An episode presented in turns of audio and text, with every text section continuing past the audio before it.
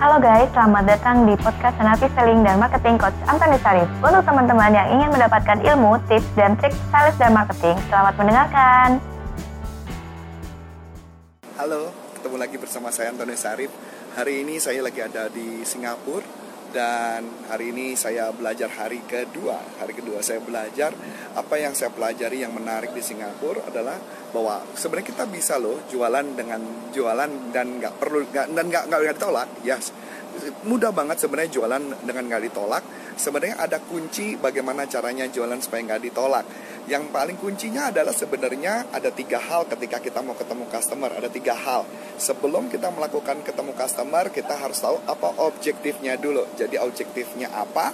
Yang kedua apa barrier mereka? Jadi mereka sudah punya objektif, punya tujuan. Misal contoh tujuannya objektif adalah misalkan dia pengen mencapai tertentu, pengen mencapai uh, apa?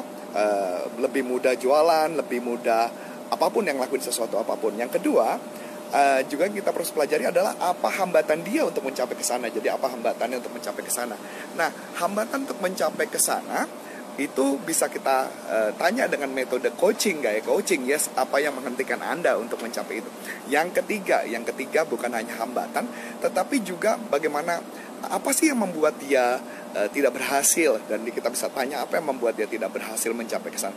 Nah, setelah kita tinggal menanyakan tiga hal tersebut, kita bisa menggali jauh lebih dalam.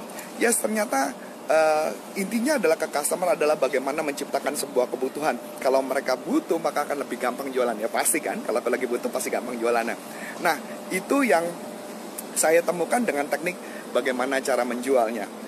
Nah setelah menciptakan kebutuhan, artinya orang yang customer tadi nggak butuh, bisa jadi butuh, masuk ke level yang berikutnya adalah bagaimana supaya customer tersebut uh, kita tahu apa ke apa uh, value mereka, faktor decision dia sebelum membeli.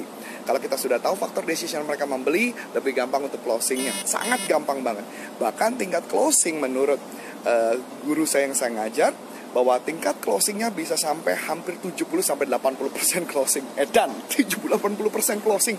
Jadi cuma hanya menggali mereka. Setelah 70-80%, apalagi yang bisa digali? Setelah itu kita bisa masuk ke jauh yang lebih dalam, bagaimana mengembangkan uh, kita uh, mengurangi resiko jadi mengurangi resiko terjadi beli dan bukan hanya itu bukan hanya sekedar resiko tapi juga bisa kita bagaimana mempresentasikan apa yang kita sudah dapat sehingga orang itu mau beli so saya pikir-pikir jadi kalau mau bertanya jualan itu mudah nggak mudah banget tekniknya sangat mudah saya sudah mempelajari jauh lebih dalam dan teknik di sini jauh lebih lagi lebih edan lagi so hari ini kebetulan saya sudah selesai belajarnya dan hari ini ya daripada saya di kamar saya sharing pada Anda. So, apa yang saya pelajari dan dan saya masih akan belajar lagi sampai hari Jumat, banyak hal lagi pasti yang akan jauh lebih asik.